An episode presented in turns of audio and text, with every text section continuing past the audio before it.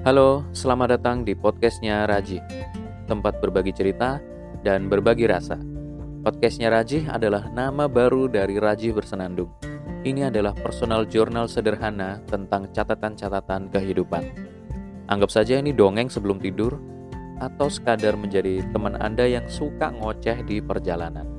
Ya, yang penting berusaha menghibur sambil mencoba nyampein sesuatu yang mudah-mudahan bermanfaat. Episode ini adalah bagian dari tantangan 30 hari bersuara 2022 yang diselenggarakan oleh komunitas The Podcasters Indonesia. Selamat mendengarkan.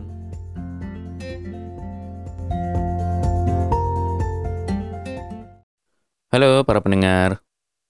Anda overthinking? Suka memikirkan sesuatu berlebihan? Tenang. Saya juga. Aduh, Gara-gara overthinking ini kebiasaan mungkin ya, atau sudah menjadi bawaan dari sononya. Tapi nggak tahu sih ini bisa disembuhin apa enggak. Gara-gara ini tuh semua pekerjaan banyak yang terbengkalai dari dulu sampai sekarang. Dari dulu tuh. Dan sampai detik ini pun saya sering melakukan itu. Gara-gara overthinking. Hal sepele seperti saya pengen pesan makan gitu. Pakai aplikasi GrabFood, GrabFood misalkan pengen milih makanan aja bingung antara makanan A atau B atau C atau restoran A atau B. Apalagi saya harus milih dengan harga yang murah-murah dan juga nyari diskonan. Itu yang bikin lama. Karena kalau misalkan saya beli malan saya beli ini nanti aduh bosan nih makanannya. Saya gak pedes nih. Kalau milih yang ini waduh makanan ini terlalu manis. Kali ini lagi waduh rugi nih kalau misalkan beli makanan ini. Cuma dapat satu makanan tapi harganya mahal pilih lagi, ada opsi lain. Wah ini pilihannya banyak nih, tapi kayaknya kecil-kecil deh. Kurang ini kayaknya. Gitu-gitulah. Ada aja pikiran. Overthinking gitu. Bikin sekadar memilih makanan di aplikasi GrabFood aja bisa sampai satu jam. Dan itu sering terjadi pada diri saya. Cuma memang lagi saya perbaikin sih yang kayak gitu-gitu tuh. Alright, kita coba bahas overthinking ya dari perspektif perspektif kesehatan. Wah. Mungkin lebih tepatnya perspektif psikologis. Sama saya juga pengen nambahin perspektif Islam. Semoga aja bener ya. Sosokan ini. Oke, pertama dari perspektif sosiologis. Dari sumber halodoc.com. Overthinking itu seperti apa? Ini saya bacain ya. Jika kamu cenderung terlalu banyak berpikir atau overthinking, kamu mungkin mengalami hal berikut ini. Kekhawatiran yang melompat dari satu topik ke topik berikutnya. Yang kedua, memikirkan skenario terburuk. Yang ketiga, kesulitan untuk membuat keputusan. Keempat, kesulitan berkonsentrasi. Kelima, merasa di ujung tanduk. Dan yang terakhir adalah mencari kepastian dari orang lain. Yang kayak gini-gini, mungkin tidak terjadi pada saya saja, mungkin sebagian dari Anda juga. Sebagian dari Anda yang lain mungkin bisa untuk berkeputusan dengan cepat. Sat set sat set sat set dal del. Kalau misalkan perlu konsentrasi selama satu jam, bisa banget. Dua jam, gas. Delapan jam, sikat. Tapi ada juga yang 15 menit sudah bosen. Aduh, pengen lompat-lompat nih, atau pengen ngemil nih. pengen main gitar nih. Pengen salto pengen nonton? Wah. Nggak bisa konsen. Macem-macem. Dan ini kita sering lah. Sebagian dari kita mungkin merasakan. Memang sih overthinking ini bisa menyebabkan hal buruk yang sifatnya berantai. Gara-gara overthinking ini nggak jadi itu nggak jadi semuanya terlambat.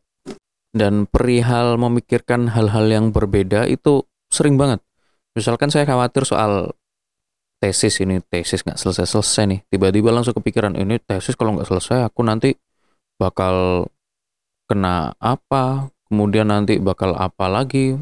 Kemudian menjalar ke permasalahan kenapa lagi? Mungkin permasalahan keluarga atau permasalahan pekerjaan. Wah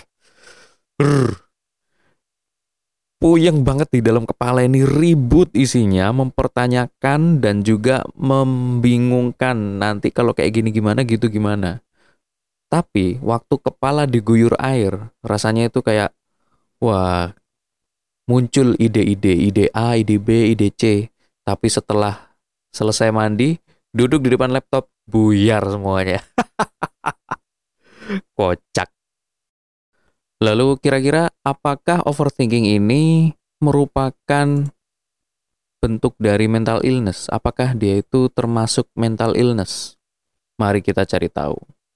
Overthinking itu bukanlah kondisi kesehatan mental atau mental illness. Tapi overthinking itu adalah gejala dari masalah kesehatan mental, baru gejalanya. Seperti depresi atau kecemasan. Artinya ketika sudah overthinking berarti levelnya itu level gejala, bukan ke level puncak. Level puncaknya itu adalah kecemasan, anxiety, atau depression atau depresi. Nah, overthinking ini umumnya dikaitkan dengan gangguan kecemasan umum. Orang yang mengalami gangguan kecemasan umum juga mungkin mengalami khawatir berlebihan tentang beberapa hal selama paling enggak 6 bulan. Lama banget, bro. Kemudian sulit mengendalikan kecemasan. Lalu, gejala fisik yang dapat mencakup kegelisahan, kesulitan berkonsentrasi, dan masalah tidur itu juga akan terjadi. Waduh, parah banget. Nah, ini di halodoc.com ada tipsnya untuk mengatasi kebiasaan berpikir berlebihan. Saya coba bacakan ya. Bila kamu merasa kesulitan untuk mematikan pikiran di malam hari atau pemikiran berlebihan kamu e, mengganggu atau mempengaruhi kehidupan sehari-hari, cobalah bicara dengan psikolog atau psikiater. Kemudian pengobatan yang paling efektif adalah terapi perilaku kognitif terapis akan membantu kamu untuk menantang pikiran negatif dan mengembangkan keterampilan mengatasi yang dapat membantu meringankan kekhawatiran. Tapi ini dengan terapis ya, artinya kita harus ke psikolog atau psikiater biar dibantu untuk uh, melakukan menjalani terapi perilaku kognitif.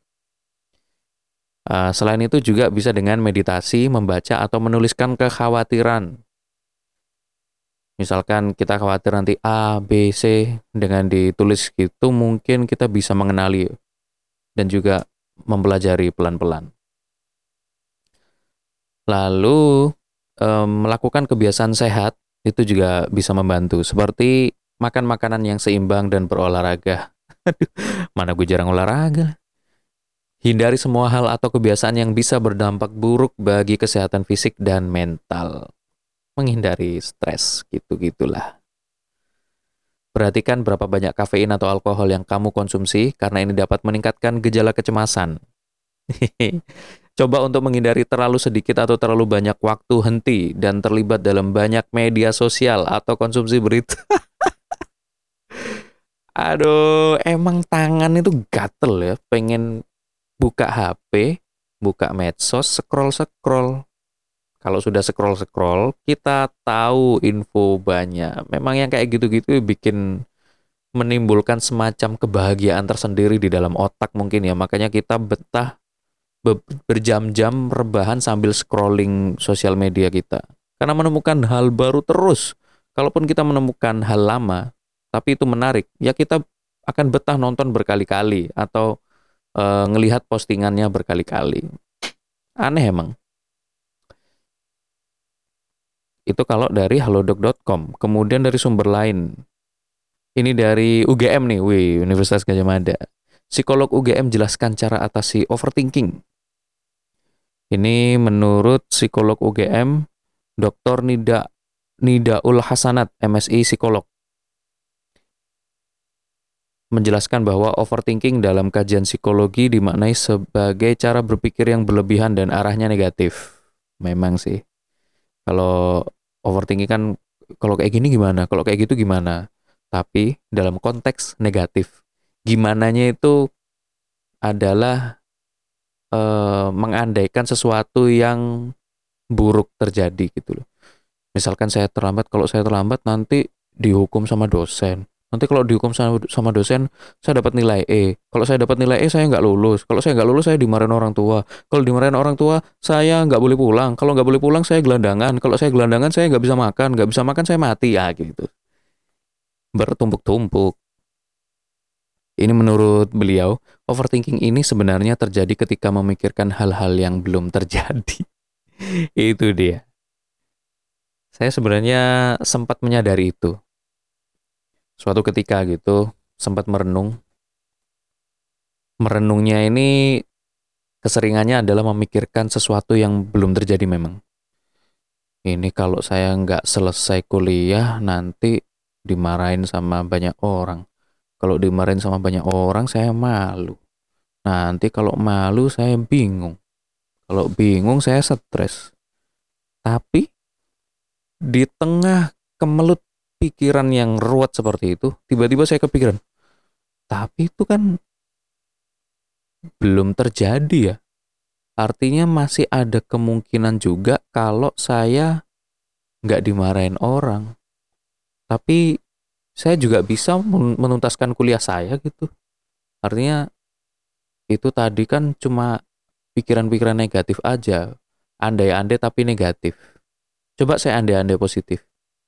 Ini kalau kuliah saya selesai dalam satu bulan atau dua bulan, saya akan ke sini, akan ke situ. Akhirnya kan saya jadi mikirnya planning, bukan mikir overthinking tentang hal-hal negatif yang belum tentu terjadi saya juga sempat kepikiran kalau misalkan saya ngelobi ke Pak Dekan gitu misalkan, pasti saya dimarahin. Kalau saya dimarahin, pasti saya dicap jelek. Kalau saya dicap jelek, pasti semua dosen-dosen akan menganggap saya jelek. Kalau dosen-dosen menganggap saya jelek, pasti saya akan susah ngapa-ngapain. Kalau saya susah ngapa-ngapain, saya nggak bisa berkarya. Kalau nggak ber, bisa berkarya, saya stres. Padahal belum tentu Pak Dekan akan memberikan tanggapan yang negatif. Bisa jadi beliau akan sangat terbuka. Aneh kan? Oke lah, lanjut ya.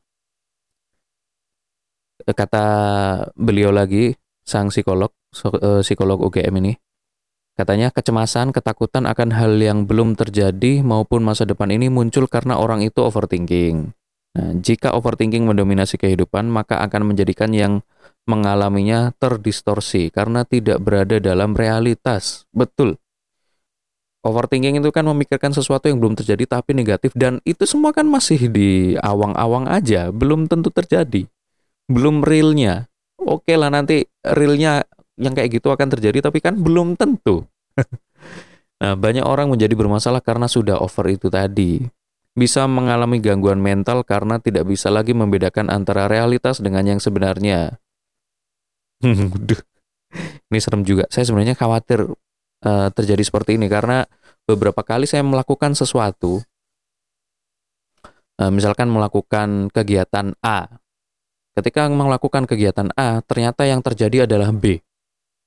Keesokan harinya saya coba melakukan kegiatan A dengan optimis, pasti hasilnya nggak selalu B kok, pasti bisa C.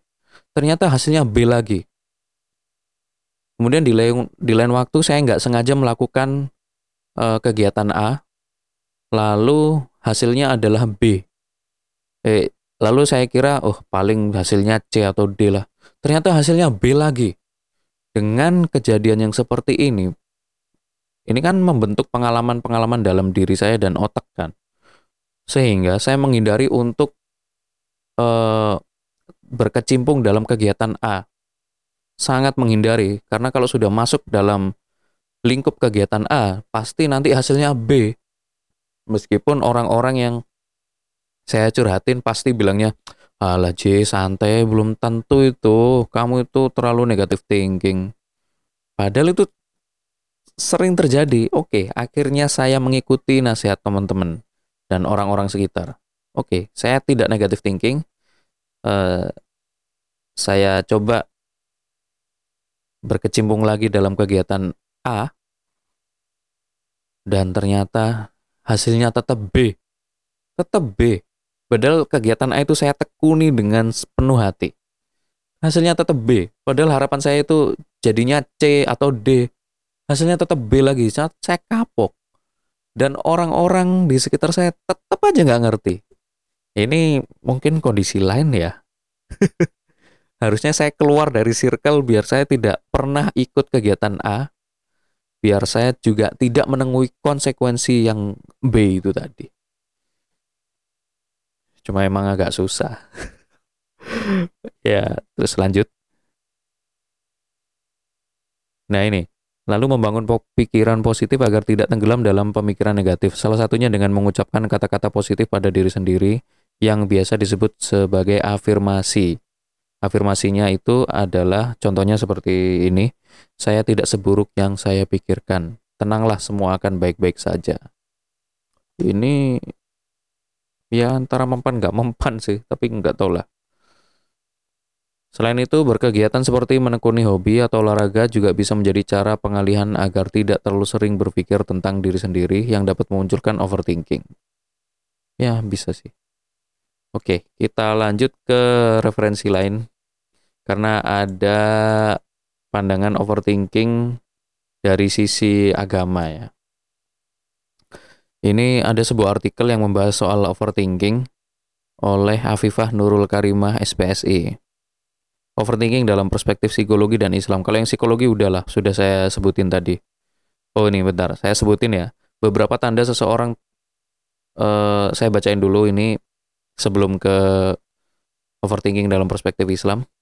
Ini saya bacain dulu tanda seseorang telah mengalami overthinking. Beberapa tanda seseorang telah mengalami overthinking adalah sebagai berikut. Pertama, merasa bersalah atau malu terhadap apa yang telah terjadi secara berulang.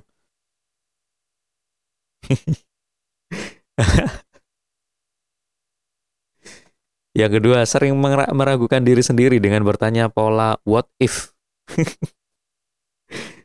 Tiga, sering tersesat dalam pikiran di masa lalu dan mencoba membayangkan di masa depan. Oke, keempat, memiliki kesulitan untuk tidur dan mengontrol pikiran untuk berhenti.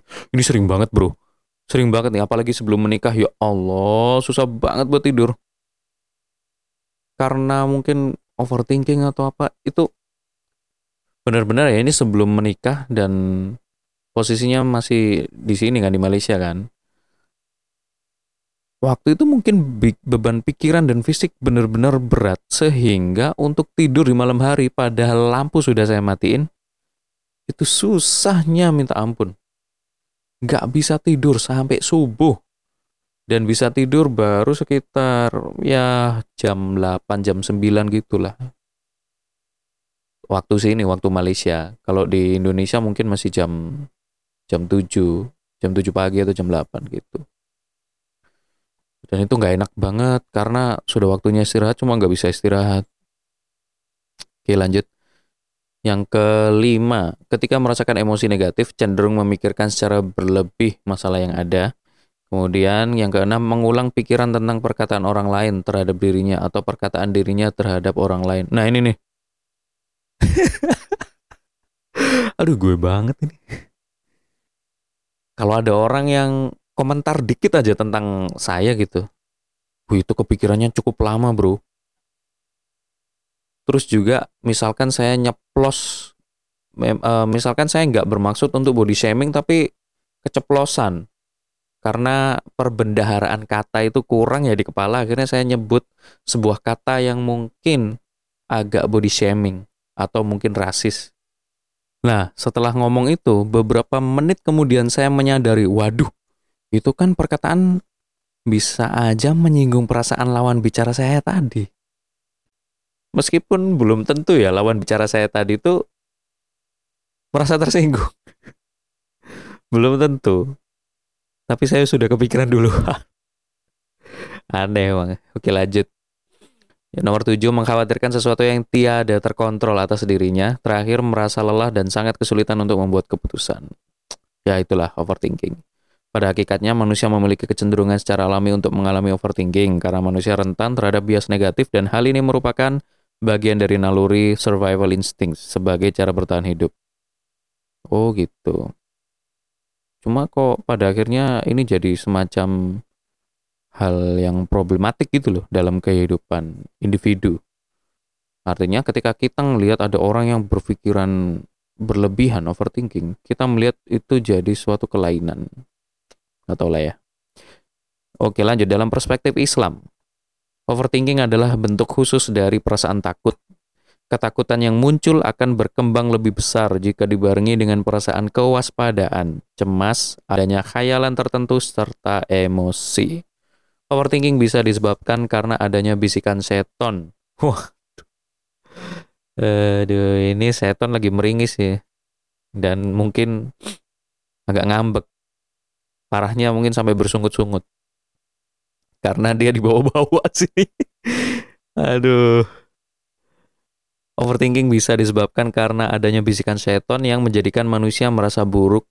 Selain itu, hal ini juga bisa disebabkan karena belum sepenuhnya manusia untuk memiliki keterampilan tawakal dan bergantung hanya kepada Allah.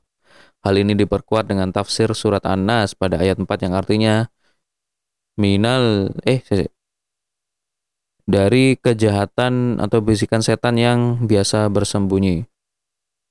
Min syarril waswasil khannas Kata was-was di ayat keempat An-Nas ini adalah bermakna godaan yang masuk ke dalam jiwa manusia dan sering kali berulang dan merupakan perbuatan setan untuk mengganggu manusia. Sedangkan kata khonnas merupakan sifat dari setan yang sering bersembunyi ketika manusia mengingat Allah.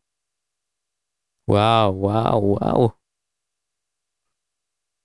Dan ini di artikel ini juga uh, diungkapkan salah satu solusinya seperti yang di Halodoc tadi. Solusinya adalah dengan cognitive behavior therapy, terapi kognitif behavior, dan e, membuat semacam record gitu, ada tabelnya. Tabelnya itu kita disuruh menjabarkan situasinya itu seperti apa, kemudian awalnya mikir apa, kemudian negatif thinkingnya itu yang mana, bukti dari pikirannya itu apa? Misalkan saya merasa saya merasa diri saya itu kurang. Saya sebenarnya berhasil dalam beberapa hal tapi kok saya merasa enggak saya itu belum sukses ya.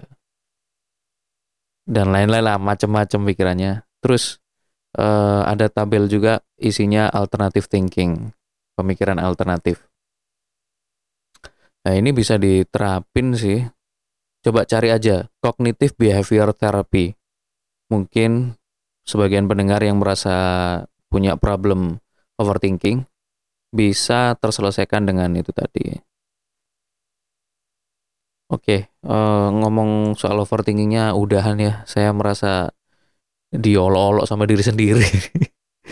Sampai jumpa di episode berikutnya. Semoga 2023 kita menjadi lebih baik lagi. Bye-bye. Hey, sebelum Anda ke episode selanjutnya, atau mungkin Anda ingin pindah dengerin podcast lain, ada sedikit pemberitahuan ini. Apabila Anda merasa terhibur dengan konten yang saya buat, Anda bisa banget memberikan apresiasi dalam bentuk traktir ngopi melalui karyakarsa.com slash raji bersenandung atau karyakarsa.com slash rajih atau bisa juga di socialbus.com slash rajiaraki slash stripe. Terima kasih.